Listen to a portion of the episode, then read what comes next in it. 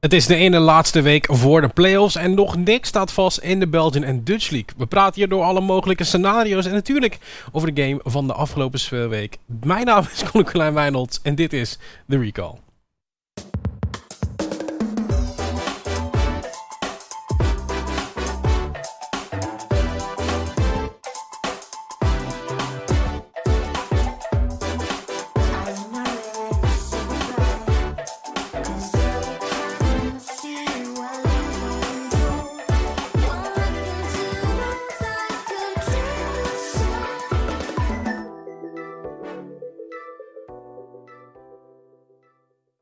Moest een beetje lachen om het feit hoe moeizaam het eruit kwam eigenlijk. Ik ben hier samen met eh, Omar vandaag, oftewel Woeng.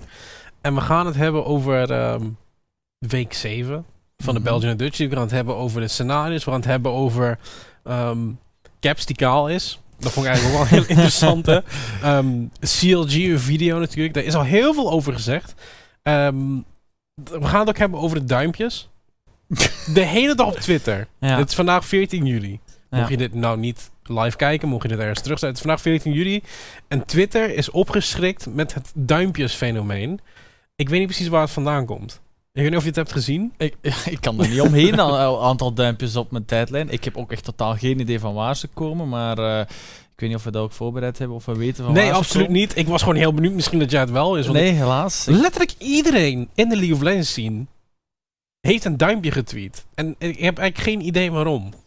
Ja, is het misschien een statement dat eruit komt dat iemand gestart is, dat een paar mensen misschien weten? Dan Gaat het misschien om solo queue? Er is wel. Er is wel iets gaande nu in solo Mhm. queue in, in de Master en de Challenger rankings. Mhm.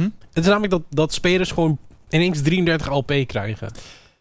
Op hoge rangen dan al. Dus Op hele je- hoge rangen, ja. Waar je dan denkt dat het misschien wat trager gaat voor je nog meer omhoog gaat. Maar ja, ik ben zelf al eh, een heel lange tijd vast in solo queue, dus ik kan daar helaas niet van meespreken. Ja. Maar eh, ik heb het fenomeen ook gezien. Ik heb heel wat mensen heel veel LP zien krijgen, maar het zou me sterk lijken. Behalve ik. Behalve, ja, ik ook niet. Ik eh, zit hard stuck, zoals we dat noemen. Maar ik weet niet of de duimpjes daarvoor gericht zijn. Ik denk misschien voor het aantal ferme statements de laatste tijd die eruit zijn gekomen. Ja. Voor eh, het gebruik van social media misschien, dat het daarmee te maken heeft. Ja, maar dit is Ja. een beetje, beetje, beetje gokken. Ik Ja. weet niet of we dat moeten doen. Eh, Nee, absoluut niet. Nee, ik ja, ben een beetje, Aan, het, aan het gissen eigenlijk. Ik heb echt geen idee waar het Hmm. over zou gaan. Vandaag zijn we met z'n tweeën. Dus dit is op zich ook wel weer iets nieuws. Mhm. We zijn een beetje op elkaar aangewezen nu. Gelukkig zit er wel wat in. Ja, ik bedoel, we hebben genoeg om over te praten, daar niet van. Maar het is altijd weer een beetje. Ik snap het wel. We hebben, we hebben spelers gevraagd, maar iedereen is zo gefocust op die playoffs. En iedereen pakt zoveel mogelijk scrimtijd nu, want het is echt een make or break. In de Belgian League, ehm, ja, Iron Squad is out of contention. Ehm, lijkt me ook niet dat daar de allerbeste sfeer hangt op het moment. Eh, want je gaat letterlijk van tweede in de Belgian League worden tot laatste. Je bent een hekkensluiter in de Belgian League. Dat is niet het seizoen dat ze... Maar ze hadden ze er ook niet ingeschat met de power rankings toen. eh, ik denk ook dat we ze heel hoog hadden gezet op een bepaald moment. Omdat die... eh, het, het zou top 3, top 4 zeker... Toch wel play-offs hadden we ingeschat voor dit roster. En dan loopt het de eerste weken weer niet soepel. Maar dan denk je, ah, komt er nog wel in. Ze, ze komen wel online, maar komen Ja. eigenlijk nooit online. Zie je dan heel last second changes doorkomen. Die op zich best goed werken. Eh, ik denk dat dat niet het, het, het Ja, verkeerde beslissing was. Je handicapt jezelf daar heel hard mee. Dat ook gewoon puur ook om het feit dat het zo laat is. Dus ja, dat je niet alleen, maar je, je zet jezelf weer, zeg maar, je begint weer bij start. Ja, Dat, dat is letterlijk wat daar gebeurt. En ehm, niks over Fliff te zeggen. Want Fliff's performance, redelijk gecharmeerd door. Maar het probleem bij Iron Squad, en dat is ook wat ik, wat ik laatst had getweet, was van, want Iron Squad die had een graphic gemaakt, dat zeg maar Iron Squad tegen Iron Squad speelde en dat Iron Squad eigenlijk altijd zou winnen. Daar kwam het op neer. Mhm. Maar hoe ik het een beetje zag van... Ik heb het idee dat Iron Squad altijd van zichzelf verliest. Dat dat eigenlijk hetgene is wat er gebeurt. Want ze weten wel leads te krijgen. En heb ik het over... We hebben twee Diana games gezien van Fliff. Gaat super goed op die Diana. Mid-game. En alles gewoon crasht. Alles zakt gewoon in elkaar. En ik denk dat daar. ehm, ik zou het wel durven zeggen. Het is natuurlijk altijd mijn. Het blijft mijn mening, wat ik ook dan zeg. Is. Ik heb gewoon het gevoel dat We Will Failure niet meer op dezelfde lijn zit. Misschien zoals vorige split. Waarin dat het team ook gewoon zijn kans blijft volgen. Maar dat het nu iets tegenstrijdiger is, misschien in game. Of dat we eh, daar wat eh, prikkels naar boven zien komen. Ehm, ik denk dat de changes best oké zijn als ze in de eerste helft van de split geweest zouden Ja. zijn en daaruit hadden kunnen bouwen, dan had ik ze nog wel play-offs in zien komen. Je ziet ook hoe close het eigenlijk wel kan zijn in de Belgian League als meerdere teams van elkaar beginnen te winnen. Maar dat Iron Squad het ook zo laat doorvoert, vind ik het wel eh, een fair statement. Dat je zegt dat ze van zichzelf verliezen. Ook met Wheel Failure, die dan eh, misschien wat meer eh, druk op zich neemt en daardoor minder kan presteren. Ja, is, is het misschien dat... Ik bedoel, Wheel of Failure is letterlijk ingesubt geweest tijdens de eerste Worlds. Toen nog op DreamHack Mhm. in Zweden. Freaks Basement in zijn kelder. Ehm, misschien te oud. Misschien is het gewoon... Ik heb wel het idee dat Wheel of redelijk slim is over de game. Snap Dat wat hij moet doen. Maar weet je, op een gegeven moment... Ik ben ook 27. Ik merk dat mijn, mijn mechanics, mijn reactievermogen... Het gaat allemaal naar beneden. En er zijn studies van geweest, hè, dus het is een best interessant onderwerp dat ook echt op heel veel eh masterproof bijvoorbeeld weer naar boven komt en, en doctoraten van hoe, eh, hoe veel effect heeft je leeftijd op al het kunnen spelen Mm. van eh, videogames. En dan eigenlijk eh, best verrassend dat je, het is sowieso afhankelijk van persoon tot persoon natuurlijk, in, in Ja. hoe je ontwikkeld bent, maar dat, het eigenlijk, dat je op lange leeftijd nog mee zou kunnen draaien en dat het eigenlijk vooral misschien iets mentaal is dat er dan eh, vast begint te zitten. Dat je bijvoorbeeld heel lang op hetzelfde niveau speelt en je denkt van ik heb gepiekt en dat je dan een, mentale blokkade eh, opzet voor jezelf en daardoor wat slechter gaat spelen. Maar dat het niet per se zoveel invloed gaat hebben. Het gaat invloed hebben op reactietijd, maar de invloed die het gaat hebben als je constant op hetzelfde niveau en verbeterend kan spelen, is miniem. Ik denk dat mijn vooral is van... Ik raak heel erg afgeleid. Ik heb zo'n periode, speel ik veel League. Dan stop ik gewoon. Dan speel ik weer veel League. Ik, ik weet je, het probleem wat ik ook weer heb is van... En dat doet denk ik... eh Starland doet het heel goed. Maar ik speel zeg maar heel veel verschillende champions. Starland doet het niet. en die, die spelen dus zeg maar wel steeds hetzelfde. En dat werkt Mhm. wel goed voor ze. En ik had volgens mij later Brad had ik gezien. Er was iemand die voegde alle challenger spelers toe. Die vroeg van hoe word ik challenger? Ieder, er kwam ook een paar keer van je moet gewoon altijd dezelfde champion spelen. Weet je, toen ik ooit nog League speelde eh, op een oké niveau, had ik ook zoiets van, ik, ik haat saai League of Legends spelen. Ik, ik, ik Waarom, kan gewoon... waarom Maokai dan? Omdat Maokai niet saai Het is iets nieuws. De eerste keer dat het gespeeld werd bijvoorbeeld, eh, was 2018 denk ik. En dan was die nieuwe patch dat Dark Harvest echt eh, super turbo broken was. En turret plates werden ingevoerd. En niemand Ja. echt wist wat er in de patch gebeurde, moest gebeuren. En dat zijn de changes waar ik echt naar uitkijk. Want dan Mm. haal je zo eens een, een specialere pick naar boven waar je niet tegen kan bereiden in scrims. Kan het ook zelf moeilijk gaan testen, omdat je het niet wilt weggeven misschien. En dat vind ik de leukste dingen Ja, als je ja, zo creatief bent. Misschien lijkt dat zo. Ik bedoel, dit jaar hebben we allemaal nieuwe items gehad. Ook zo. En daar zijn we nu eigenlijk ook aan gewend. Ik weet nog, de eerste game na die nieuwe items is van, dit is geen League of Legends meer. Met al die mythic items, je mag er ook dan maar één van kopen, terwijl Precies. we vroeger zagen dat je Ja. eh, items meerdere keren kan gaan kopen. Daar zit nu ook een limiet op. Dus het, het voelt aan de ene kant gelimiteerder aan, maar ik denk dat de meta eigenlijk nog al in een lange tijd niet zo open gelegen heeft met zoveel mogelijkheden. Ja, natuurlijk zijn er een bepaalde picks die echt Mm. super sterk zijn, waar je rekening mee moet houden. Maar ik denk dat er nog zoveel ruimte is voor experimentatie. Ik denk dat we het ook vorige week zelfs over gehad hebben. Hoe weinig er effectief getest wordt met welke picks wel en niet kunnen werken. Omdat het gewoon weer gemakkelijker is om huiswerk te kopiëren. Het proberen zo goed mogelijk uit te spelen en dan de win proberen op te pakken.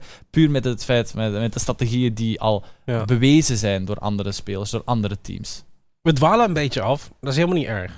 dat, dat is helemaal niet erg. Dat is een beetje wat vandaag ook meer gaat gebeuren. Ik bedoel, we zijn met z'n tweeën, we zijn een beetje op elkaar aangewezen. Mm. Maar ik denk dat er gewoon heel veel valt te zeggen over deze week in de Belgian en Dutch League. Het is week 7 dat is geweest. We zitten een week voor de laatste speelweek van de reguliere speelronde. Mhm. Tegen over twee weken beginnen we, op maandag beginnen we al met de eerste ronde van de Belgian League, als ik niet mis heb. Ik denk dat we beginnen met de Belgian League en dan Dutch League, Belgian League, Dutch League. Ja. Dan hebben we vier speeldagen over twee weken. En dat is de Juggernaut match en dat is de eh, De eerste, ronde. elimination. Ja, de eerste elimination eh, ro- round. En, en niks staat nog vast. Want Omar Woeng van Vriend deze week Sector 1 heeft verloren. PSV heeft verloren in de, Bel of in de Dutch League. En PSV is daarmee ook hun acht winningstreak zijn ze nu dan kwijt. Sector 1 heeft verloren van 7am. En dat is een soort déjà vu, want dat zagen we ook gebeuren vorig jaar in de Summer Split. Eh, Dat is een beetje, als je niet leert uit de geschiedenis, is het gedoemd om te herhaald te worden. En exact wat daar ook gebeurd was.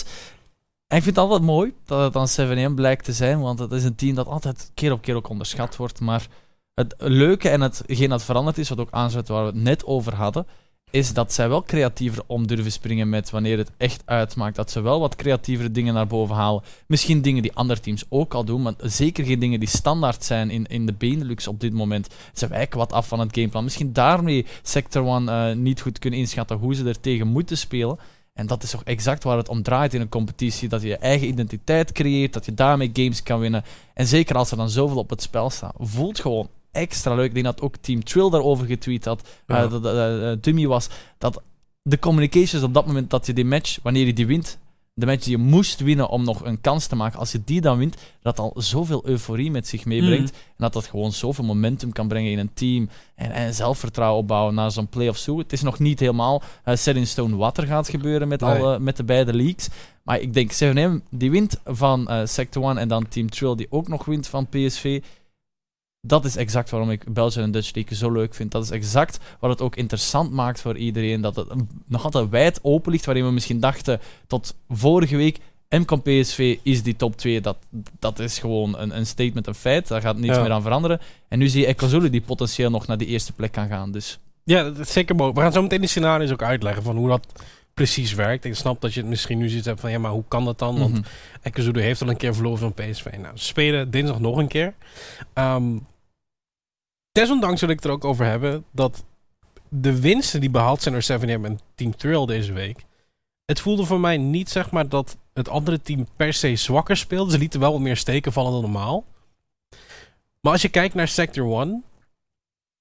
Ik denk niet dat Sector 1 ehm, dramatisch heeft gespeeld of zo. Ik denk wel dat, dat, er, dat er fouten zijn gemaakt. Ik denk dat die ook wel eh, redelijk duidelijk zijn. Met, met name de. Voor Sector 1 was het een beetje een moeilijke game. En als je kijkt bij PSV... Ik denk dat PSV een beetje fun wilde hebben.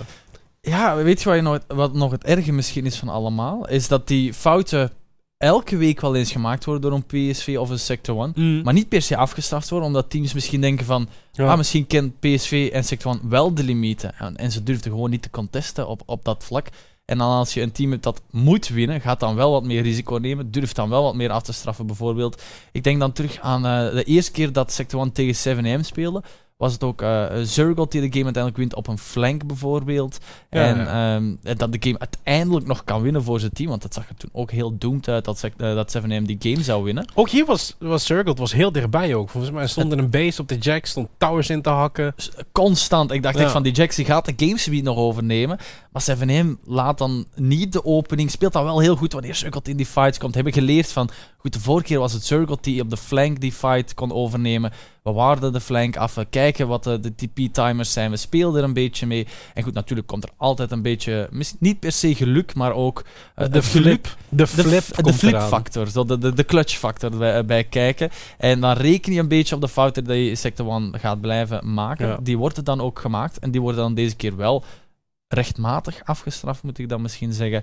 En props naar 7M dat ze het gedaan hebben, want ik zie niet heel veel andere teams van eh, dit Sector 1 op dat niveau gewonnen hebben. Zeker niet als je KV Mechelen twee keer onder de 24 minuten Ja. ziet verliezen van een Sector 1. moet wel zeggen, Sector 1 is niet dat Sector 1 dat we hebben gezien tegen KVM. eh, volgens mij de week ervoor, volgens mij was dat. Mhm. Daar wonnen ze met 12-2 ook echt in een hele overtuigende fashion. Het was wel in mijn ogen iets wat zwakker Sector 1, maar het is beter dat het nu gebeurt dan dat het in de playoffs gebeurt. Dat is één ding. En we zeggen altijd van je leert meer van een los dan je leert van een win. Dus ik neem aan dat ze hier ook gewoon serieus naar gaan kijken van oké, wat is hier fout gegaan? En hoe kunnen we dat elimineren? Aan de andere kant bij PSV tegen Thrill voelde het eigenlijk al Dat was echt een fiesta. het ging, he- het ging helemaal al een kant op. Maar het, meest opvallende punt, en dit is ook iets wat ik in de, de KitKat Plays komt het ook nog een keer terug, is een solo kill van Fat Shield. In de toplane in het begin. In de toplane, ja, ja, Ja. op level 5. En dat was een hele interessante, omdat die Trundle die werd ingelokt into Aurelia. En Trundle is eigenlijk een hele sterke champion. In de 1v1. In de 1v1 100%. Omdat die chomp, de Q van Trundle, die... ehm, Die steelt attack damage. Ja, je krijgt attack damage, je steelt attack damage en je krijgt HP. En als je dat combineert met Frost Domain, heb je Amplified Healing. Dus op die manier is die 1 voor 1. Gewoon vanwege die ene chomp op het einde. Want het scheelt echt niet veel. Volgens Nee, mij en één de auto flash zelfs nog gebruikt, maar die was zelfs niet meer nodig. Had Nee, de maar één autotech extra. En Ja. Flex had daar wel ook gewoon de return kill kunnen vinden. Het voordeel van die chop, wat dan nog niet gezegd is, het is een autotech reset. Dus je kan gewoon nog 100% sneller Ja. eh, gaan aanvallen. En ik vond het een slimme pick uiteindelijk. Eh, De draft was wel echt helemaal eh, even kijken. Goed, wat is nu het plan juist van Team Trill? En ik had het gevoel dat ze de 1-3-1 wilden opzetten. Misschien daarmee eh, PSV Mhm. uit elkaar trekken. Dat zagen we Dynasty uh, moeilijkheden. Tryndamere werd ingelokt. Trindamir eh, werd ingelokt. Nee, ook Seraphine die er dan bij was. En een Viego. Ja, het was een toplane trundle voor Thrill. Viego jungle, Tryndamere midlane. Hadden we een Seraphine op de botlane positie en een Thresh daarnaast. Exact, dat was de teamcompositie. En dat, in mijn ogen is dat een 1-3-1, maar dan met iemand te veel. Namelijk, eh, de Viego heb ik niet het gevoel dat hij daar dan per se zo goed tussen hoort. Had er liever een Nocturne bijvoorbeeld gezien om die sidelanes te beïnvloeden. Hmm. Dan heb je echt die 1-3-1 opgezet. En als dan die Trundle in het begin al die matchup overneemt, wat we dus zagen, heb je gemakkelijker die 1v1. Want Flexish kon niet zo heel veel doen op de Irelia. Had daarvoor een goede Irelia game, maar die tweede Irelia game was gewoon... Het, het kwam niet lekker uit de verf en het was gewoon een slimme pick van Team Dream, als we heel eerlijk zijn, om met die Trundle dat proberen aan te vechten. En dan moeten we misschien ook wat meer eh, credits gaan geven aan Fatshield zelf. Want keer Ja. op keer is hij wel best een sterke toplaner al geweest voor Team Trill. Krijgt dat wel eens eh, wat vaker resources, maar ook op de weak side eh, fantastisch goed aan het spelen. Dus ik ben benieuwd wat dat voor hem nog gaat brengen. Maar over die winst, die game, die had ook 10 minuten vroeger gedaan kunnen zijn. Maar dan ook weer voor één ieder team. Want eerst maakt eh, Team Trill, denk ik, de fout met eh, in Vision teleporteren naar de base van PSV. Dat wordt dan gestopt door Yuki met de Moonfall op de Diana. Ja. Dus dan gaat die teleport niet door. En dan eh, is heel die fight nog uitgebroken. Uiteindelijk wil PSV via de botlane pushen. Is het Gabush die de base nog in leven weet te houden, omdat PSV split decisions heeft. Dan gaan we de turrets pakken, gaan we de fight aan. En dat zijn twee grote fouten gemaakt in de game die, door, die beslissend hadden kunnen zijn voor het andere team. Maar het duurde dan nog een tijdje langer met eh, uiteindelijk dan wel de eh, Baron die opgepakt werd, de Elder die opgepakt, dan de push werd ingezet en uiteindelijk zelfs niet eens voor de fight werd gekozen, maar gewoon vol voor die Nexus langs de kant van Team proberen van PSV te winnen. En als, cast, als colorcaster, als, als play-by-play heb je dan wel heel wat te vertellen, want Ja, je bent constant met ja. dingen. Maar als color, het is niet LCK clean, macro clean eh, League of Legends. Integendeel, het is meer een LPL-soort stijl waarin ik denk ook vandaag weer een backdoor zagen met een Het is een soort, soort kelderklasse LPL waar je naar kijkt. Het is echt gewoon eh, een boxmatch op dat moment. Gewoon twee teams die Ja. blijven boksen. En, en, en het doel is gewoon zien wie het langste blijft rechtstaan. En, en Team Chill bleef overeind en wisten dat ze moesten winnen. En pakten denk dat de- match. compositie van Thrill ook heel veel teamfighting potential gaf. Ik bedoel, een Seraphine met de ult kan zoveel teamfight tempo dictaten. Vind het feit dat je kan, je kan heel veel mensen zo in Ja. die encore krijgen. En dat, dat is een beetje het ding wat ook op een gegeven moment... Op een gegeven moment gaan ze naar de midlane tower. Met het volledige team lopen ze daar naar voren toe. En ehm, ze pakken de tower. Ze krijgen een fight. Yuki die... Ik vond het leuk dat je over Yuki vond. Ik, ik moet zeggen, ik wilde zo meteen ook nog over Yuki hebben. Mhm. Maar Yuki vond ook een hele mooie Diana ult. Echt vijf man. Maar er was gewoon geen follow-up damage vanuit PSV. En het is volgens mij ook Ja. omdat Kevo heel vaak early dood is gegaan in de fight. Maar ook, hij speelt de Samira. Een champion die perfect de Seraphine kan counteren met de W. Die kan heel die ult opvangen, dat, eh, dat het voor het team een stuk makkelijker gaat. Moet je wel voor online, dat wil je natuurlijk niet. Eh, maar de tools waren er, maar ik heb gewoon vaak het gevoel gehad dat het individueel een beetje misplayed werd. En ik, ik kan ze ook niet blamen. Hè. Ze, zijn dan, ze staan al, eh, wat is het op dat moment, 7-0. Dus er zijn al heel veel goede eh, plays vooraf gegaan. Het is niet dat ze constant slecht spelen, maar die ene misplay kost je dan misschien wel de game. Of, of dan denk je van juist wel, oké, ze gaan op dat niveau blijven spelen. Hebben misschien iets te veel plezier gehad. Ik denk dat dat. eh, Het is gewoon meer was- van, het is hopen dat het geen impact heeft. Dat ze het ook gewoon weg kunnen lachen. Want Ja, aan het einde van het is niet alsof ze het cadeau hebben gegeven. Ik vond oprecht dat Team Trill... ze bleven nog vechten tot het laatste. ja, maar Team Trill speelde ook echt van, ja, het is, het is gewoon pomp of verzuipen om maar even ehm, actueel te blijven. Want waar ik woon, daar is het nu, ehm, volgens mij staat daar blank. Het staat gewoon echt, alles staat onder water. Ook waar, eh, ik hoorde er net op de radio, ook daar waar Pieter 05 woont, daar staat het ook volledig blank. Dus eh klein feitje, Ja. kan toevallig hem op. Het is gewoon zeg maar de river die is verplaatst naar Ja, dat gedeelte van de wereld. Ehm, vooral Wallonië in België, dat nu onder staat ook. Ja. Ehm, wat ik over Yuki wilde zeggen. Yuki heb ik nou zeven weken, want hij heeft een, een vorig jaar heeft hij de he- het hele jaar op de subbench gezeten van PSV. Albert Reber stond daar, ik bedoel, een hele begrijpelijke eh, positie. Maar het is wel het jaar volgens mij waarin Yuki heel veel geleerd heeft. Ook van Albetrever. En ik, ik moet zeggen, ik zie het nu ook wel weer terug. Want Yuki stond normaal bekend als die speler die speelt tanks. Die, eh, die farmt. En die komt af en toe ganken. Maar hij speelt wel die objectives. Het voelt voor mij alsof Yuki een ander soort jungler is geworden. Waarin hij wel wil vechten. Misschien ook door de meta. Omdat hij Mhm. heeft Sinzao gespeeld, heeft Diana gespeeld. Het is nodig ook, enigszins. Ja, maar ik, ik moet zeggen, ik ben aardig verrast door Yuki deze split. Ik denk, eh, om, als je er een vergelijking mee wilt maken, dat eh, Yuki een beetje Dummy Light vibes had van eh, de speelstijl. Gewoon heel hard focussen op het helpen Minder van trash talken ook. Minder trash talk, dat sowieso. ik bedoel het echte speelstijl. Ehm, de aftershock junglers die dan naar boven komen. De, Mm. de Sejuani, de Zack weet ik veel. eh, de Gragas weet ik. En eh, vooral focus op wat heeft het team nodig voor een team spelen. Eh, als ze engage nodig hebben, dan is Yuki ook de perfecte persoon om dat op te pakken. En ik sluit me aan bij het feit dat we, wat jij zegt, dat Yuki eigenlijk heel veel developed is van wat wij kunnen zien in, als caster, als, als kijker, als community lid van wat je ziet op de stream.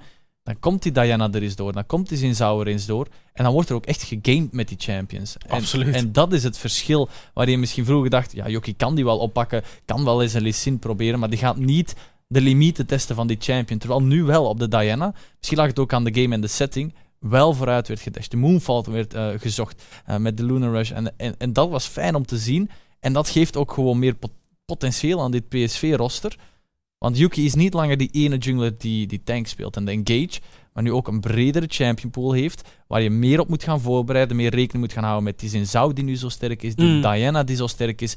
Terwijl voorheen, als je het in het begin van de split had gezegd dat Yuki die twee champions zou spelen, ik denk niet dat heel veel teams die in de eerste twee weken zouden geband hebben. Maar nu ze het gezien hebben, is dat een extra gevaar voor die playoffs, waar rekening mee gehouden moet worden. Dus misschien daar ook gewoon slim van PSV om die nu al boven te halen, net iets vroeger voor de Ik, playoffs. ik denk dat het ook mee te maken heeft van als je ze niet oppakt, pakt de enemy ze op. En ik denk dat ze gewoon veel te. Ik bedoel, Sinzao is een van de sterkste skirmishers op 11.14. Ehm 11.5 volgens mij is hij ietsje getweakt. Ik, heb- de, de changes die zijn wel uit, maar ik heb ze nog niet Ja, nou ja, hij is in ieder geval iets getweakt, waardoor hij iets minder sterk zou zijn. Kan je verklappen, is nog steeds dom sterk. Ehm, ja, Sinzao is zo'n champion die... Zei jij dat nou? Wie zei dat vorige week? Drop volgens mij. Drop zei dat. Die zou Sinzao deleten, omdat het zo'n obnoxious champion is. En dat snap ik ook wel vanwege het feit dat je nu die, die, die W, die eh Wind Becomes Lightning... Als je die hit, kun je iemand dashen vanaf andere kant van de 1100 fout. en- units of zo. Ja, maar dat hebben ze dus een beetje Ja. aangepast. Dat het En terecht. ja. En terecht, want die ability die... Er zit ook gewoon zo makkelijke turret dives op. Want met turret dives heb je heel vaak dat je mensen in de positie kan duwen die het veiligste zijn onder een turret. En dat Mhm. je dan, als je een skillshot hebt zoals Wind Becomes Lightning, ook nog eens die dash erachter kan voeren, direct op die carry terecht kan komen. Het opent zoveel deuren, ook gewoon Ja. in die skirmishes met die ult. Dat is ook een, eigenlijk een, een vrij belangrijke. Je kan een hele teamfight volledig omdraaien door een goede ult te krijgen, in één keer de frontline weg te krijgen en alleen die focus te houden op die ene carry. En, en daar je team op laten funnelen. Ik denk dat de champion heel sterk is. Rako, toen hij hier was, had ook wat insights gegeven over dat het heel sterk is met een Enchanter solo laner er bijvoorbeeld bij. Een Karma, een Lulu, waarmee je dan extra kan gaan vechten. En waarin we vaak denken, het is misschien de Kindred en de Lulu. Is het gewoon de, de Zinzao en, en, en, en de, de Enchanters geworden die het kunnen doen. En, eh, maar om terug te komen, ik, denk, ah, ik ben vooral benieuwd of we nu ooit een Albertrebe Yuki matchup gaan zien. Of zij twee tegen elkaar nog komen te staan ooit. En zien hoe, of dat de student dan de meester kan eh overmeesteren. Nee, het ligt eraan. Hè? Ik bedoel, als ze allebei European Masters halen, op een of andere gekke draw krijgen, waarin zoals in vorig jaar Spring Split. Mhm. Spring 2020, toen kwam eh Sector 1 tegenover toen Diffuse Kids, nu Lone Lines uit. Misschien in, in zo'n skirmish zou het kunnen. Altijd dubbel op. Het is altijd dubbel dan. Dan gaat er minstens één Benelux team door, maar wat de kosten van een andere. Dat is Ja. altijd jammer natuurlijk. Maar ik ben benieuwd vooral voor Yuki of hij het ook kan doorzetten nog naar de playoffs. Want dat is waar eh, heel veel mensen zich nog wat meer moeten bewijzen juist dan in het reguliere seizoen. Best of ones. Dan, dan niet, ja, dat is inderdaad wat ik wilde zeggen. Van, het, het zijn best of fives. Ja, dus hoe diep is ook de champion pool als er plots in een van de games volledig op Yuki gefocust wordt? Stel, daar worden vijf bijns opgegooid. Is hij dan nog steeds een sterke jungle waar je rekening mee We moet zagen houden? eens ook een Yumi hover van PSV. De Garen Yumi hover bedoelt hij. Volgens- mij liet jij zelfs Mundo Yumi. Die werd ook al... eh, ik heb toen in de cast ook gezegd van... Ik wil absoluut geen Garen Yumi of Dr. Mundo eh, Yumi. Daar, daar wordt mee geëxperimenteerd. Heb ik gezien in scrims. En dat is eh, niet super fijn om, eh, om tegen te staan of om te casten. Want het is Heb je het al eens gezien? Heb je het al eens tegenover je Ik gehad? heb het gespeeld. eh, in een game met, eh, eh, weet je wat, met Pascal had ik toen een game, ik weet niet waar over iets. eh, Was jij ah, de Yumi of de Mundo? Ik was de Yumi. Oké. Ik, ik heb de slechte Ik vind handen. ook wel een Yumi-speler. Ja, ben ik een Yumi Ja, maar ik speel wel. Yasuo. Zeg eens miauw. Nee. Zo verschil- ik weet dat we met twee zijn, maar we zitten nog steeds eh, live. Het is nog... Maar het was heel eigenlijk sterk voor wat het was. Het is zo dom hè, dat het werkt, maar Dr. Mundo krijg je niet neer. Ook dankzij die crowd control immunity. Zo Mhm. moeilijk om te ganken. Laten we vooral hopen dat dat niet terugkomt. Dan heb je nog liever Sona Tarek dan een Dr. Mundo en een Yumi. Volgens mij zijn er nu rumors over dat Sona weer... Is ook speelbaar, omdat ze tegen een Brown gepikt Ja? kan worden die zo vaak naar boven komt. En als een Brown geblindpicked gaat worden, verwacht je dan zeker maar eens aan een Sona. Verder in de Dutch League. Ekuzulu gewonnen van Emcon. We hadden allebei gepredict dat Emcon zou winnen. Ik ga je eerlijk zijn. Ik wist niet dat Hylof speelde. Anders had ik denk wel Ekuzulu gepredict. Ehm, ik denk niet per se dat Hylof zo'n groot probleem was aan het verlies in die game. Nee, Ehm. nee dat, dat, is ook niet, dat is niet wat ik daarmee wilde zeggen. Oké. Wat ik wel wil zeggen is dat ehm, we zagen Alvidos trash op de botlane. Ja. Wat ik een beetje jammer vond van die combinatie, die moet je eigenlijk altijd hebben. Als je Alvidos speelt, is het niet heel mobile. Het is een, het is een champ die veel damage output. Ehm, ik heb altijd het idee dat Hylov is heel erg ge- gefocust op de kill. Hij ziet geen gevaar. Mhm. En dat, dat zag je ook een paar keer zeg in de skirmish ook. Toen de lantern wordt gegooid door Michliet. En hij pakt de lantern niet. Maar hij loopt naar voren toe. En dan, ja, lantern is op cooldown. En je. Filios is opgeblazen. Of in die 1v1 tegen Omen in de botlane, waarin Omen Ja, 0-3 ook pijnlijk. stond. En daar zou je de kill moeten pakken. En ik denk dat Nerf Kingslayer. Dat, is, ja. dat ook, maar, 431 HP kreeg hij daarvan terug. maar nog steeds, ik denk niet dat je eh, in de fog of war blijft vechten tegen een Salis die gewoon aan het wachten is voor die cooldowns. Dat is voor... eh, ik, ik wil ook niet, zeker niet de flamekant op gaan, maar... Nee, dat heeft social media team ja, dat, het al dat, gedaan. dat, dat zult waarschijnlijk ook nog naar boven komen, eh, als ik het zo... Maar daar zou je gewoon niet mogen chasen. Dat zijn fouten dan wel, die eh, Hmm. individueel aangaan gaan worden door Helof. Maar ik heb meer kritiek dan als we kijken naar de game op hoe Mcon een, solide early game speelt op de topside van de map. Ja. Goed, er had nog wat meer uitgehaald kunnen worden ook, maar ze hebben de lead wel gevonden en dat is het Ik vraag me oprecht af of er een andere uitkomst was geweest als ze met Mindrago hadden gespeeld. Dat denk ik dus niet. Eh, misschien wel, maar dan, dan moet je even Dat denk begrijpen... ik niet, maar misschien wel. Ja, dan Wat wacht- is het? Oké, dan, dan moeten we even door heel de game gaan. Dus de early game, zoals perfect op de LeBlanc, fantastische game, eh, loopt voor 3-0 op een bepaald moment. Ehm, denk je van, goed, die LeBlanc gaat de game overnemen. En dan, als het misloopt ergens, dan val je terug op die Aphelios en die Trash, die ook nog steeds zeer solide zijn en in die Mm. teamfights heel wat kunnen doen. Daar heb je dan misschien in de vorm van een substitute een kleine handicap zitten. Dat, dat kunnen we natuurlijk nooit echt weten. Ik denk dat ook sowieso het probleem zat, is dat de Afidos had nooit echt de goede weapons op het moment dat er werd engaged. En de setup was ook soms wel suboptimaal hoe dat Mcon wilde vechten, want de LeBlanc wilt... Op een bepaald moment, 15 minuten in de game, zie je drie keer Sauce Perfect op de toplane proberen Emu killen. Dat is op dat moment een set die daar staat. Die is redelijk tanky als je nog niet tegen het set gespeeld hebt. Krijgt ook een shield. Dus dat lukte gewoon niet. Die, die ging niet neer. En dan had ik het gevoel dat het tempo totaal weg was van Mcon. Ze wisten totaal Hmm. niet meer hoe ze het tempo moesten oppakken. En dan kijk je naar de vorige games die Echo Zulu speelt. Als het tempo wegvalt bij het andere team, dan, dan heeft Omen zoveel vrijheid gekregen dat hij gewoon een beetje plezier zit te maken op de Rift. Maar terwijl wel Ook in heel zijn slim- interviews trouwens. ook in zijn interviews, heel veel plezier aan het maken, maar wel goed kan blijven spelen en terug weet te komen. 0-3 Sades zou denken, die is uit de game, die kan misschien nog een belangrijke ult stelen, maar er was in de game geen belangrijke ult om Hmm. te stelen. Dus die, die Sades zou eigenlijk useless moeten zijn in de game.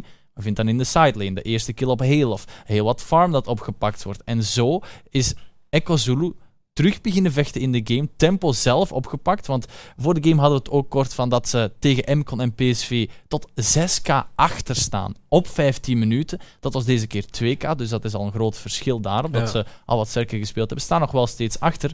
Maar je kan veel beter terugvechten tegen een 2k-deficit dan een 6k-deficit. En je zag Echo Zulu dan ook mooi terugvechten. En heel veel props ook naar Omen in de game, die exact ook op de Saris moest doen wat hij eh, moest doen om terug Ja, in de game hij, te komen. hij kwam ook in die positie. Ik denk dat op het moment dat hij die kill kreeg op de Afiros op Highloft, dan dat is denk ik waar het begon. En Hij zei ook in zijn interview, het was geen clean game, maar een W is een W. En dat, dat is hier wel ehm, zeker het geval.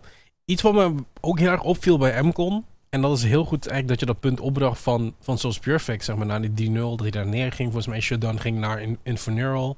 Ja. Infuneral ehm, ging die heen. Het voelde voor mij ook meteen alsof Robba en Noodle onzichtbaar werden in die game. Het, het voelde alsof alles op de schouders van Sos Perfect werd gezet in de game. Niks om weg te nemen van Ekozule, want speelde niet. echt heel goed. Ja, de eerste 15 minuten waren ze gewoon wat minder aanwezig in de game. Daar kan je niet omheen. Ekozule zat niet echt in die, in die early game. Want dat was gewoon alles eh, wat MCON wilde gebeurd ook. Ik denk ook Robba helemaal niet zijn beste game weer. Ehm, Maar er is maar zoveel wat je kunt doen. Je bent een Absoluut, Renekton, je bent de eh, enige tank. Het het is wel een goede matchup in de set als je ook... eh, en ik denk ook dat Robba is trouwens niet de enige tank trouwens, zoals een Volleybear ook nog. Ja, hoe dat Robba weet. Het was een full AP de weer ook, als ik het goed nog heb. Die Sonja bulde en dan daarna nog wat ability power was aan het oppakken. Maar eh, ja, Noodle, nadat zijn twee champions geband worden, komt hij op de volleybeer terecht. Early game, maar I mean, er had, er had meer potentieel in gezeten als... I mean, eh, je LeBlanc staat 3-0. dus dat is goed, right? Dat is het goede punt. Maar daar werd geen transitie gemaakt. De LeBlanc wist niet meer de kills te vinden. En dan moet je van dat moment geef je wel de props aan Echo Zulu. Dat ze ook weten hoe ze tegen die teamcompositie moeten spelen. Want ik denk ook dat er in het interview gezegd werd dat ze niet echt schrik hadden om de game nog te verliezen eh, Hmm. op een bepaald moment. Omdat het gewoon. Het liep stroef langs de kant van Emcon. Daar kan je niet omheen. Ze wisten niet hoe ze Halof in de game moesten krijgen. Halof wist misschien ook niet wat zijn positie was in het team op dat moment. En je kan dat ook niet per se direct verwachten van iemand die ingesubt wordt, onafhankelijk van wie Nee. het is. Je komt in een team terecht en je moet gaan presteren op de, de tweede carry van het team. En als het niet soepel loopt, ja, dan lukt het gewoon niet. Het, het is wel een fair point. Het, het is niet alsof hij zeg maar, zijn lane gewoon hard verloor. Of weet ik veel wat eigenlijk. Het is vooral... Het moment dat die fights gespeeld werden... Van ja, zijn positioning kwam er gewoon niet helemaal uit. En ik denk dat daar vooral hetgene is... ehm, waar hem kon de fights op verloren. Want ja, de damage was gone. En LeBlanc die kan me ook zo wat doen. Heeft burst damage. En als jij niet iemand in de backline kan opblazen... dan heb je je cooldowns. Dan sta je er ook maar te kijken. En dat was, eh, ik, denk zelfs een facecheck op een bepaald moment in de zin zou in een bosje of zoiets eh, was het van Halof. En dan denk je van, ja, dat zijn gewoon de mistakes die je niet kan maken. En dat is waar Mcon op verloren heeft op dat moment. Maar er waren heel veel dingen ervoor die naar dat moment toegestuurd hebben. En dat was waar de game eigenlijk volledig wegging. En Echo Zulu is dan het team dat eh, daar ook niet bij blijft zitten. Ze zien dat ze het tempo krijgen. En zij gaan dat niet meer afgeven op het moment dat ze het hebben. Dus dat is eigenlijk wat je wil zien van een team dat die top 2 inboxt. Dat misschien in die playoffs opnieuw hun, hun spot in de finals gaat verdedigen. Mm. Want Echo Zulu heeft ook vorige split in de finales gestaan. Maar dit is wat ik vorige week ook... Ik had er een tweet over gehoord van... Stel je voor dat MK nou een extra best of 5 moet gaan spelen. Is nu eigenlijk het geval, omdat ze in die eerste ronde terechtkomen, die eerste eliminatie. Dan moeten ze een tweede eliminatie door. En als die moeten ze dan ook nog een keer winnen. Ja, dan staat er al een team staat al te wachten op je.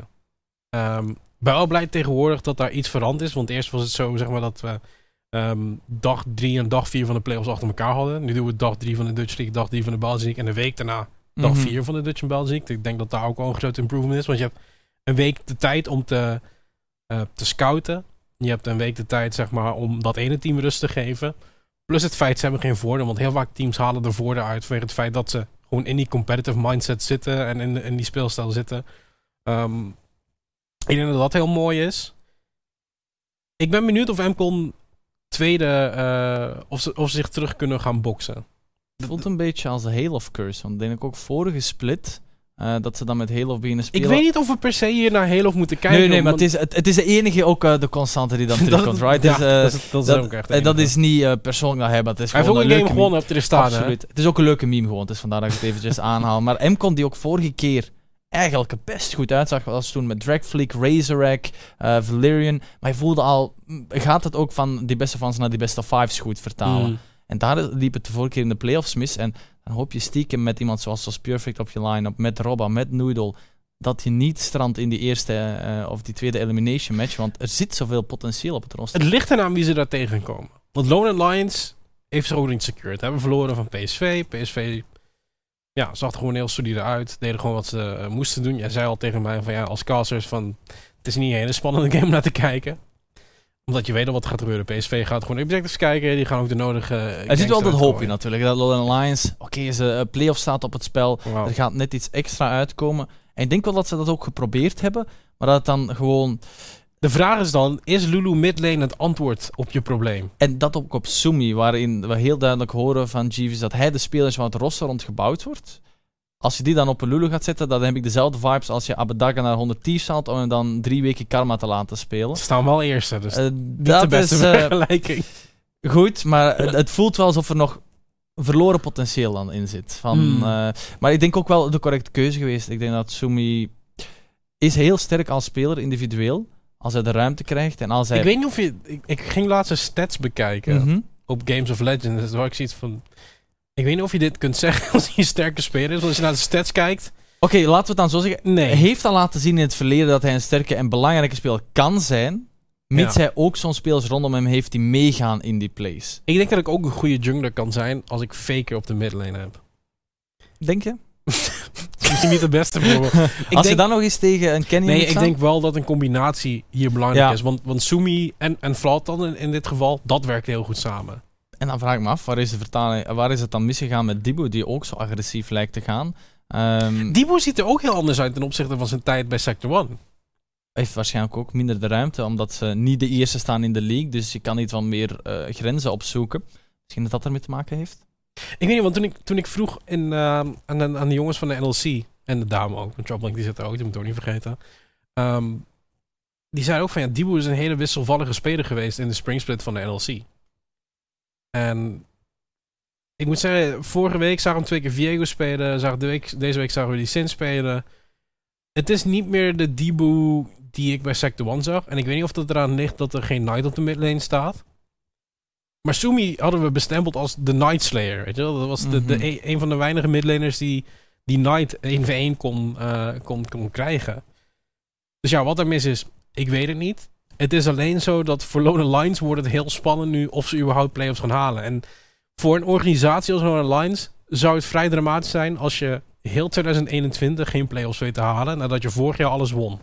Dat is vooral dramatisch als je kijkt van dat die de roster zeker niet het probleem mag zijn. Want ze hebben zoveel individuele... Jij bent het dan niet helemaal eens, eh, maar wel mogelijkheden op, stats- het team. Op op stats stats maar een verliezend team heeft altijd natuurlijk wat moeilijkere stats.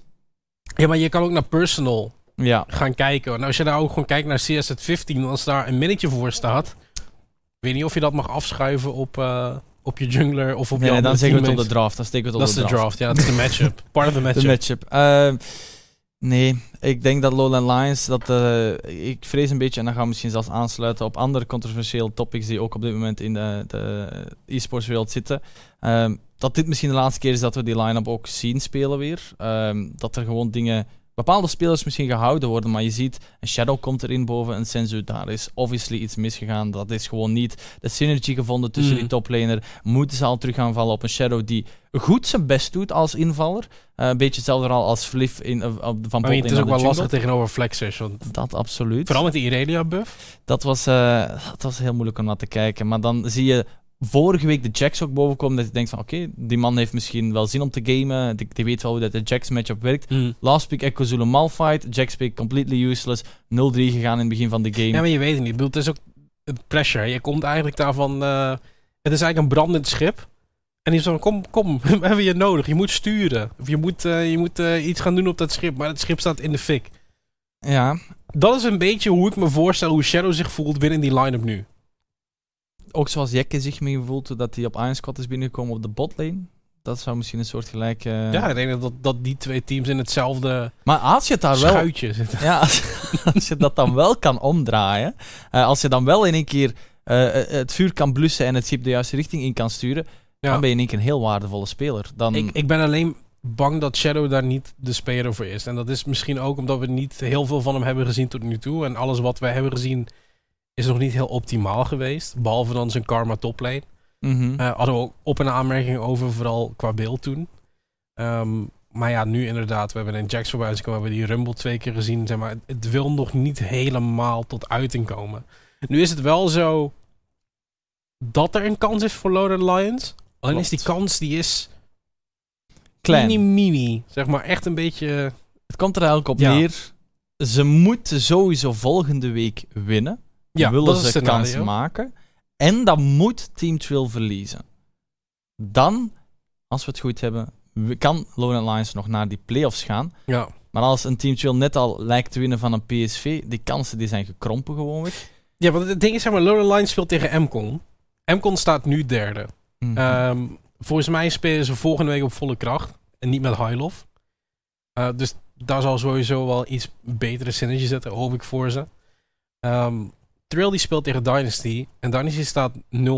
Nu is het zo dat Dynasty wil niet het seizoen eindigen met alleen maar losses. Dus misschien dat daar ook dat iets... zeiden we over Team Trill ook wel vorige split. Ja, dus die zijn ook nog team geëindigd. Het scenario is dus zo. Als één wint en één verliest. Dus of Lone Lines wint of verliest. Of Trill wint of verliest. Degene die gewonnen heeft, die gaat dan door naar de playoffs. Als ze allebei winnen, gaat Trill door vanwege de Neustadt al scoren. En dat is... Je krijgt punten op basis van de winst van je tegenstander waar je van gewonnen hebt. Mhm. Dus in het geval tegen PSV. PSV die had acht winst. Wins. Dus ze krijgen acht punten daarvoor. Ehm, dan, als ze allebei verliezen, is Thrill ook door. Vanwege het feit dat ze, die- dat ze gewonnen hebben van PSV. Ja, inderdaad. En Laurent Lions heeft het lot niet meer in hun eigen handen. Kunnen alleen nog maar die laatste game hun best geven en, en proberen te winnen. Van kon jij zegt dat wel terug op volle kracht kan spelen. Je hebt ook een tijdje niet met die botlaner gespeeld. Dus Mhm. er is nog wel een opening misschien. Nee, maar dat, is ook wat ik zei. Van, het is niet per se dat die botlane van Mcon dusdanig veel impact heeft Nee. gehad. Ik denk niet dat er veel verschil was. En dat, dat beaamde je dan ook van. Er is niet veel verschil of je nou met Highland of met, met Drago speelt. Het is meer die topside van Mcon. Die voelde niet zeg maar. Ja, als een geoliede machine als wat we voorheen zagen. De, die laatste twee weken, dat is eh, hopelijk niet het MCON dat we voor de rest Nee. van de split nog gaan zien als ze in de playoffs zitten. Eh, goed dat die matches er nu uit zijn en hopelijk is ook er ook allemaal uit en, en weten ze wel hoe ze het vanaf nu moeten aanpakken. Want eh, we hebben ook een keer zoals Perfect geïnterviewd. Die was ook heel duidelijk dat hij in de Benelux zit om eh, te winnen. En naar I mean, er zitten te heel veel van dat soort spelers komen naar de Benelux, omdat het op papier is de Benelux gewoon... Een makkelijkere regio. een En daar kunnen we niet omheen. Hè. We, zijn we zijn geen LFL, we zijn geen... En als die nu ook een BTXL dan wel hebben Nee. die eh, in de finals Volgens komen. bepaalde tiers zijn we ook slechter dan de Balkan League. Daarvan, daar wil ik nog wel mee in discussie treden. Ehm, maar we moeten zien wat we zijn. En we krijgen twee E-Master play-in spots. Dus dat eh, is de laagste spot die je kan krijgen. Eh, je krijgt niet een groepspot die we ervoor hadden. Eh, toen kregen we er één voor de hele regio. Nu krijgen we er twee play-ins Ja. voor de Belgian en de Dutch League. En dan moet je nog gaan uitvechten tegen wel derde seeds van gewoon sterke regels. Die dan vaak nog eens te sterk blijken voor ons, waar wij niet overheen kunnen. Mhm. Dus ja, het is misschien in de ogen van veel van de spelers een makkelijker ticket naar EU Masters, maar je begint ook lager. Terwijl een, een, een- Ja, maar ja, het is meer het feit dat je op European Masters staat. En helemaal nu met de Summer Split. Als jij alleen al in de play zeg maar, kan laten zien van... Ja, ik ben eigenlijk Is dat genoeg? Alleen de playing stage laten zien dat je goed bent. Misschien wel om door te stromen naar de teams die al in de group stage zitten.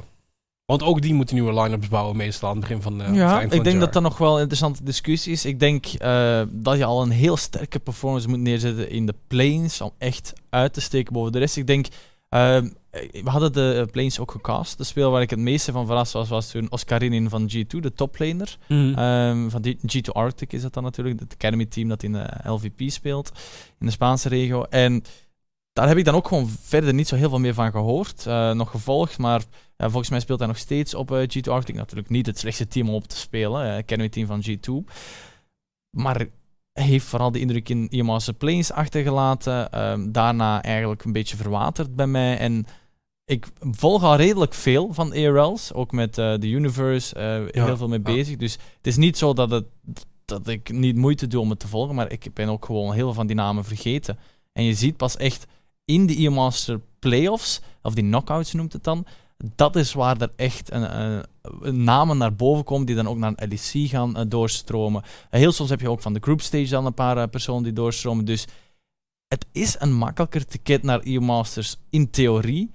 Maar is dat het enige waar je voor moet vechten op dat moment? Ik denk dat je Ik veel meer er moet wel- kijken naar personal development. Ik denk niet dat heel veel spelers hier komen voor het niveau van de Benelux. En dat echt gewoon van ja, willen naar European Masters en that's it. En, en vanaf daar willen ze dan verder Dat is kijken. ook een oké mindset, right? Het is tenminste proberen te Het winnen hier. Het probleem is alleen, zeg maar, je hebt de hele split heb je gespeeld tegen teams die mediocre zijn. En je komt uit tegen de crème de la crème als een G2 Arctic, om wat te noemen. Je komt tegen een Illuminar. Ehm, echt teams die gewoon Ja, wel wat Een niveau hoger staan, zelfs, Een niveau- zelfs twee, drie Ja. niveaus hoger staan. Dus Misschien die- een spelletje al uitgespeeld. Want die spelen ook consistent tegen teams die veel beter zijn dan Ja, hen. Want ze zijn de derde seed, nog maar derde plek van een sterke regio. Dus er is Mm. nog een sterkere eh, tweede en een eerste seed, waar zij ook in een reguliere seizoen tegen gespeeld hebben.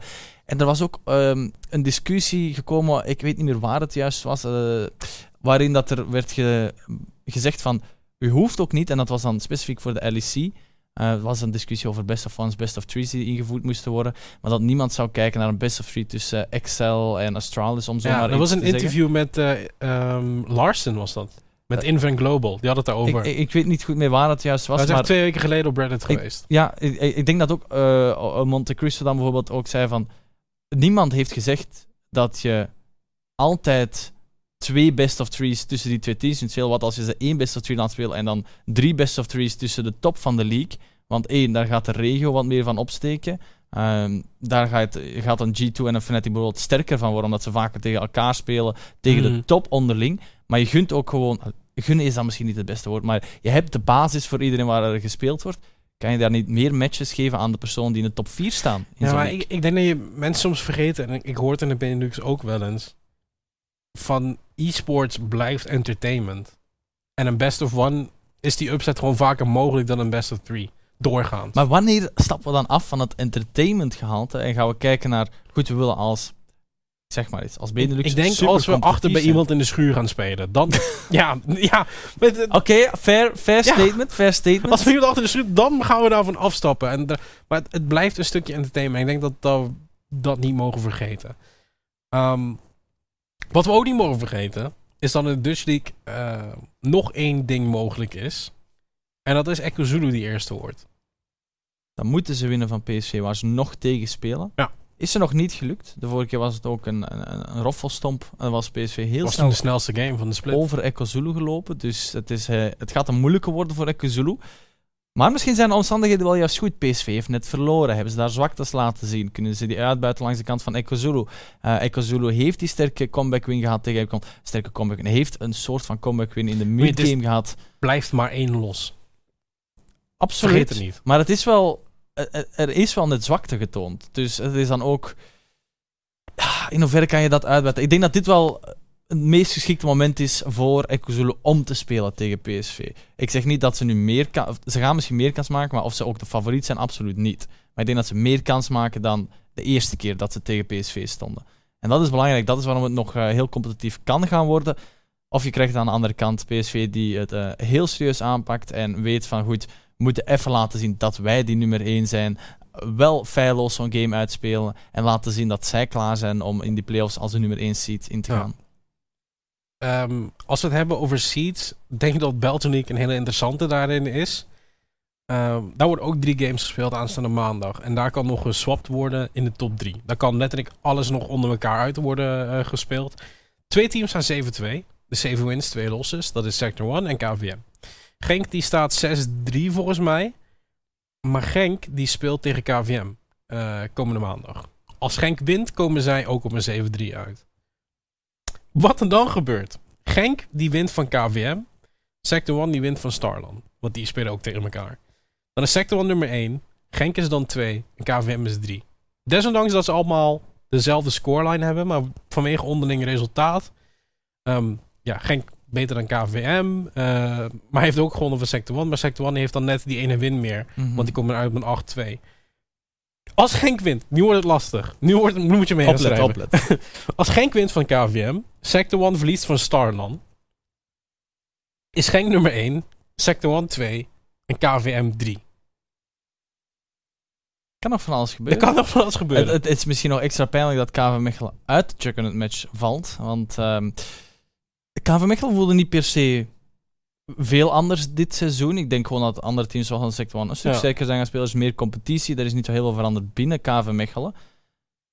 Maar het moet enigszins goed nieuws zijn voor iedereen die competitief naar de league kijkt. Dat dit KV Mechelen niet een tweede keer op rij met dezelfde strategieën mag winnen, met dezelfde speelstijl mag winnen. En dat wanneer ze experimenteren, ik ze denk wel dat Sector 1 afgestraft ook gewoon zoveel sterker is dan die split daarvoor. Ik denk dat Genk ook een heel stuk sterker is. Absoluut. Vooral de support is echt een heel stuk verbeterd dan het zijn op... Grapje, Sisse. Maar Sisters en memes blijven wel de sterkere. ik, ik heb ze een beetje gemist de laatste tijd. Ik heb er weinig van gezien. Wees- wees Waarschijnlijk omdat het wat slecht weer is, dus weinig met zijn zwembad kunnen doen. druk. Helaas. Ehm, mocht Genk verliezen van KVM en Sector 1 winnen van Starland, dan is Sector 1 gewoon nummer 1, KVM nummer 2 en Genk nummer 3, zoals het nu ook staat. Dus daar kan onderling nog wat veranderen. Maar ook plek 4 is daar nog een hele interessante. En dat is het feit dat ehm 7am moet winnen van Iron Squad. Die moeten 100% winnen, want anders kunnen ze sowieso die vierde plek vergeten. Omdat zij staan nu gelijk met Starland. Staan bijna 3-6 in de league. Mhm. Ehm Starland heeft gewonnen van 7am, maar als 7am wint, die hebben een iets makkelijkere weg tegen Iron Squad, die nog geen... Nee, één win. Die hebben volgens mij één win, hebben ze nu. Eén of twee. In ieder geval Weinig. laatste staan. Hebben we de standings van Belgian League toevallig? Ik weet niet of we dat... eh, Oh, Oh. ja, kijk. There we go. Alsof het afgesproken is. Eén win. Eén win. Helemaal onderaan. Acht verlies. Ja. Dus hier vooral die 3-6. En daar gaat het eigenlijk om gespeeld ook nog worden. Want het is allemaal leuk en wel dat we de top 3 mag vechten voor die Juggernaut match. Starland en Team 7M spelen eigenlijk om nog een verlengd seizoen te krijgen in die playoffs. En dat is misschien juist nog belangrijker voor heel veel van deze teams. Want 7M, het zou niet de eerste keer zijn, maar het zou wel de eerste keer zijn voor Starland. Ja, dat is meestal zo als je de eerste keer in de... split- Maar 7am 7am die moet winnen van Iron Squad. Eh, want daarmee komen ze uit op een 4-6 scoreline. En Iron Squad die komt op 1-9. Iron Squad die liggen uit de playoffs. Die hoef je niet meer mee te rekenen. Geen zorgen, ook daar die social media posts die ga je ook niet meer zien in de playoffs. Ehm als Starland wint van Sector 1, gaat Starland eh, alsnog door vanwege de noise settle score. Want Sector 1 die heeft 7. Eh, die is 7 punten waard om daarvan te winnen. En eh Iron Squad is 1 punt waard. Dus dan ga je op basis van punten ga je daar ook nog door. Ehm, als ze allebei verliezen, dan wint Starland, want er verandert niks aan deze ranking. En dan Mhm. staat Starland op 4. Dus voor 7am moeten winnen. En Starland, eh, die moet dan verliezen. Starland staat tegenover Sector 1. 7am staat tegenover Iron Squad. Dus daar, ja. Ik ben nu wel aan het denken, Starland staat hier wel boven, eh, boven Team 7M, maar 7M heeft gewonnen van Sector 1. Maar Starland heeft gewonnen van 7am. Dus een onderling resultaat. Oké. Dat, dat, dat al wel, want... eh, Geloof mij, de eerste keer dat ik door die hele tiebreaker systeem heen moest. En het is. moet het je voor gestudeerd hebben bijna. Het is bijna wel. Je moet daar volgens mij een scriptie voor schrijven. Je moet eh, verdedigen uiteindelijk. Maar het is inderdaad wel een, een bijzondere. Heel ingewikkeld. Ik denk ook dat er misschien iets is wat ik fout heb gezegd. Dat is ook een mogelijkheid. Want als we ook nog even naar de Dutch League eh, kunnen kijken. Om dat nog eens een keer te, te bevestigen. Ja. Thrill en Lone Line staan ook precies op dezelfde scoreline. Allebei drie gewonnen, zes verloren. Ehm, maar ja, omdat Thrill dus gewonnen heeft van PSV. ehm, en die staan nu 1-1 onderling. Mhm. Oh ja, zo. Oké, ja, nu volg ik wel.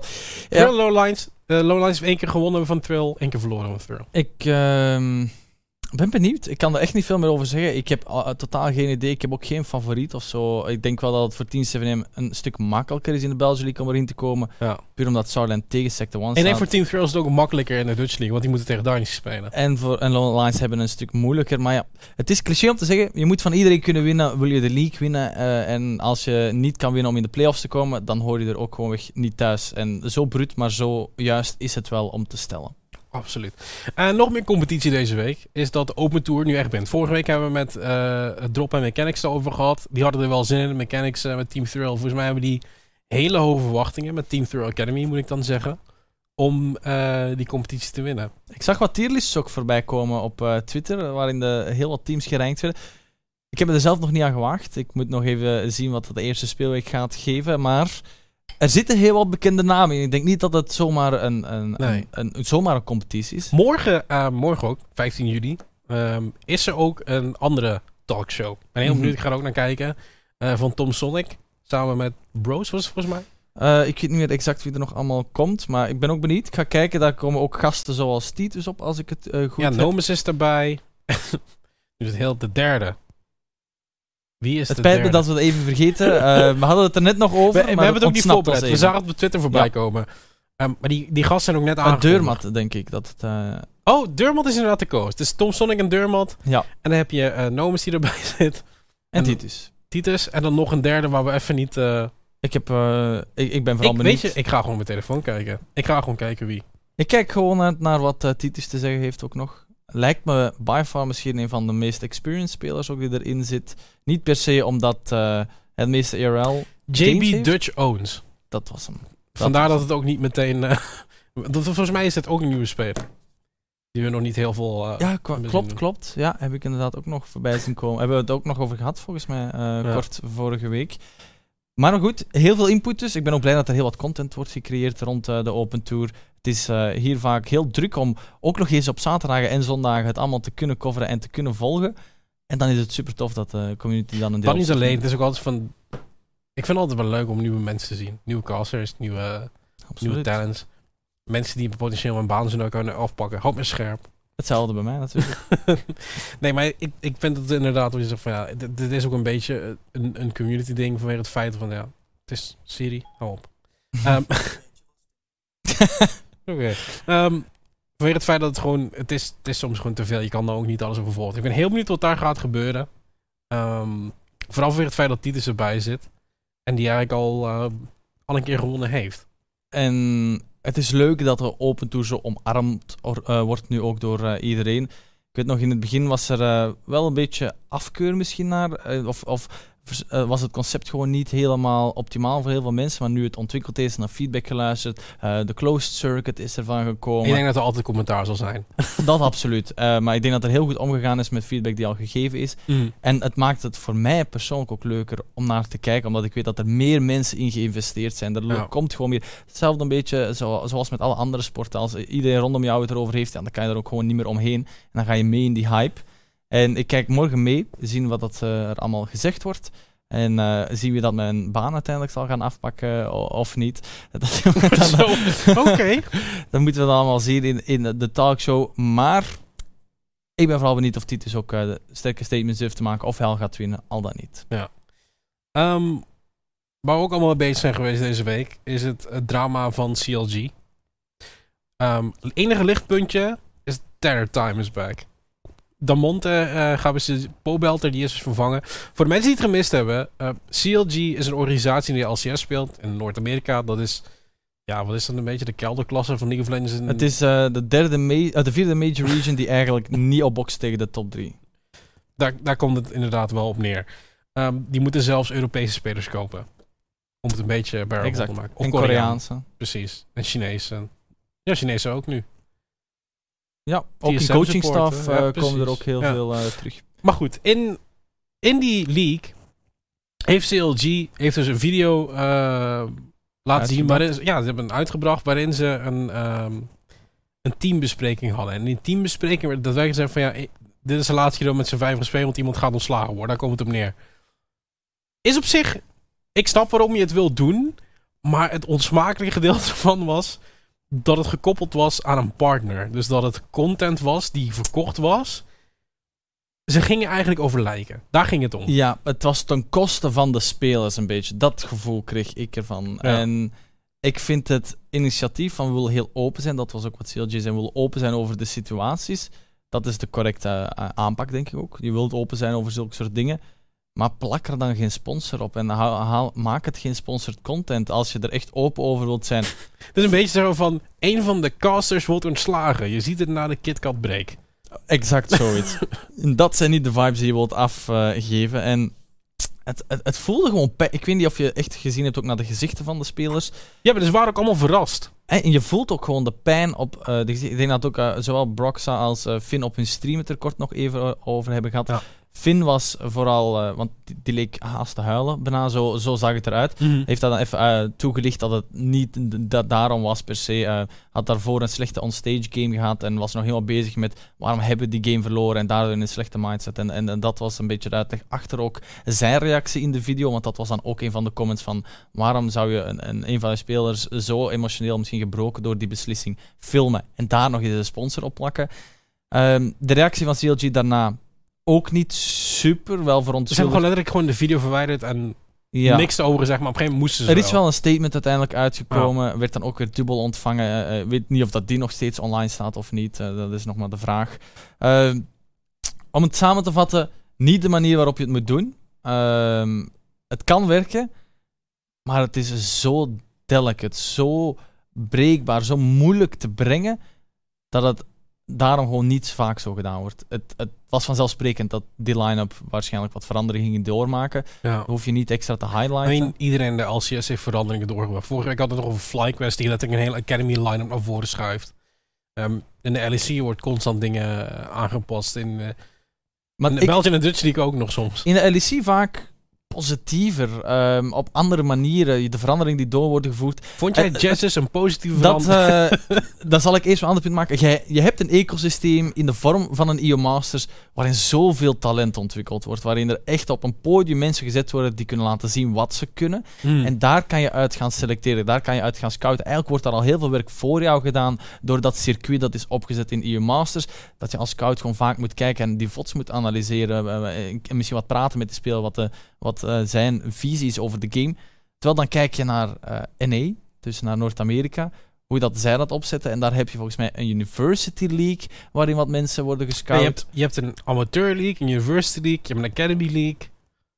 En volgens mij, dat, dat zijn de drie main leagues dan. daar spelen zoveel verschillende mensen ook in die. En het verschil vaak tussen het bottom team en het top team is ook weer zo groot. Eh, hoe serieus kan je ook de competitie nog nemen? Ik heb gewoon mijn bedenkingen erbij dat, eh, dat, het- dat het ecosysteem daar niet soepel loopt of gewoon niet goed loopt. En dat er daarom vaak zo'n ondoordachte keuzes misschien gemaakt Ja, worden. als, je het, als je het gaat kijken in Europa, het is ook in ieder geval, je hebt, je hebt dan zeg maar de Student League. Dan vanuit daar heb je dan de, de Open Tour en de Benelux. En dan heb je alweer de Dutch en Belgian League. Dat zijn ook drie lagen.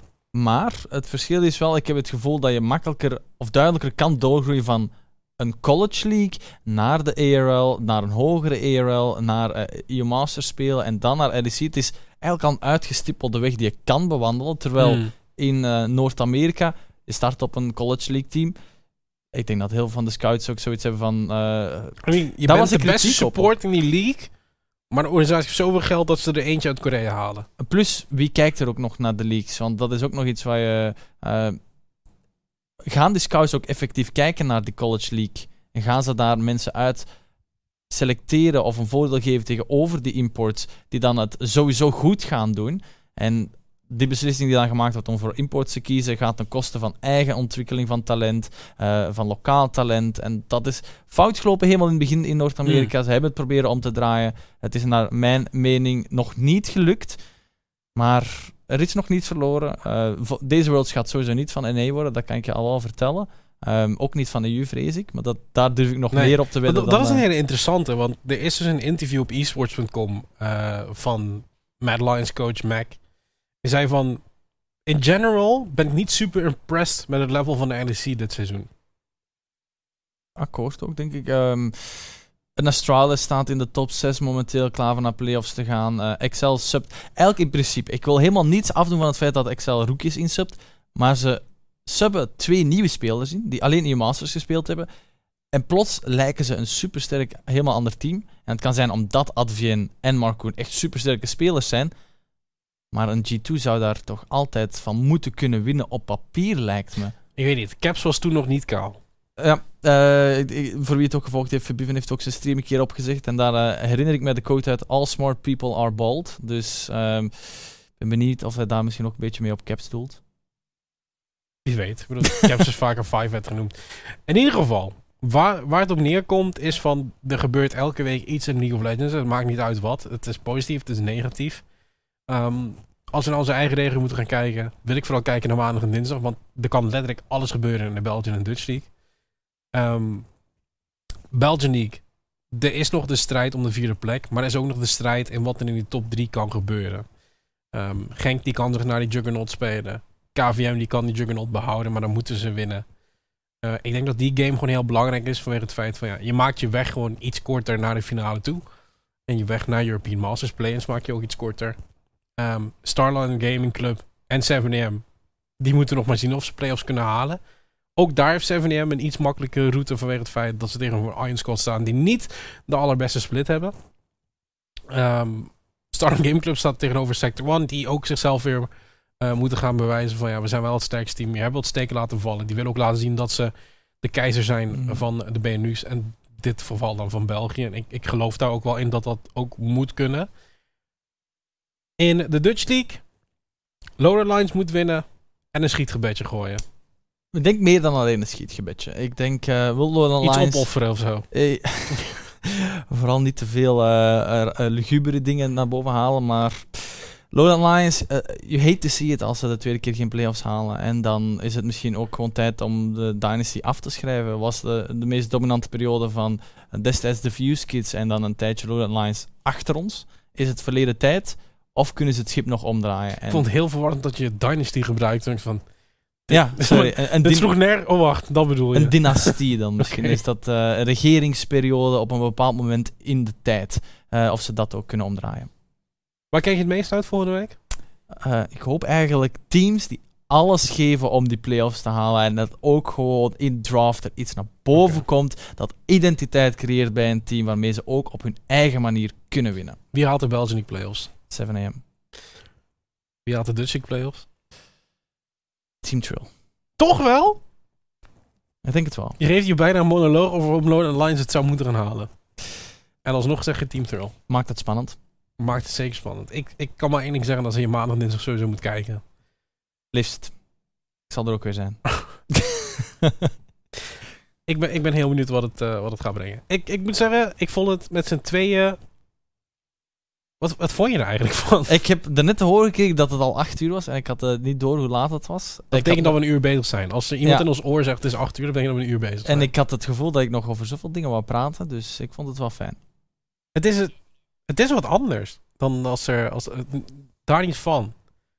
Ik bedoel, gasten erbij, dan krijg je altijd van die insights. Maar ik heb soms ook het idee dat het gesprek soms zo moeilijk ervan wordt. Het is puur omdat ze uh, ingebeld worden natuurlijk, heb ik vaak het gevoel, moeten wij ook goed communiceren voor in te haken, uh, ja. het gesprek afstellen.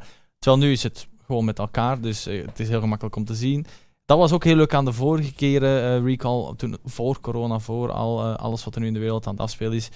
En ik zelfs nog dat Tommy hier zat, dat er ondertussen de hond Taco zelfs aan het rondlopen was. Mm.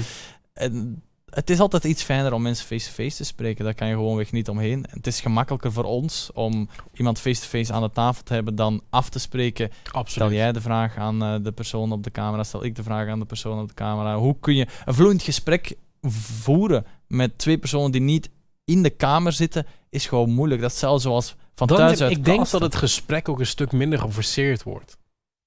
Nu is het meer zo van... Het is net van... We zijn over de game begonnen te praten. En we hebben het gehad over hoe Yuki verbeterd is. We hebben het gehad over het feit dat, um, dat je hoopt dat voor de lowlines dat ze het alsnog gaan halen. Want het zou pijnlijk zijn om het gewoon twee mm -hmm. keer niet te halen. Het zou, het, het, zeg maar, ik, ik heb het idee dat het gewoon, je, hebt veel, je kan over veel meer dingen praten.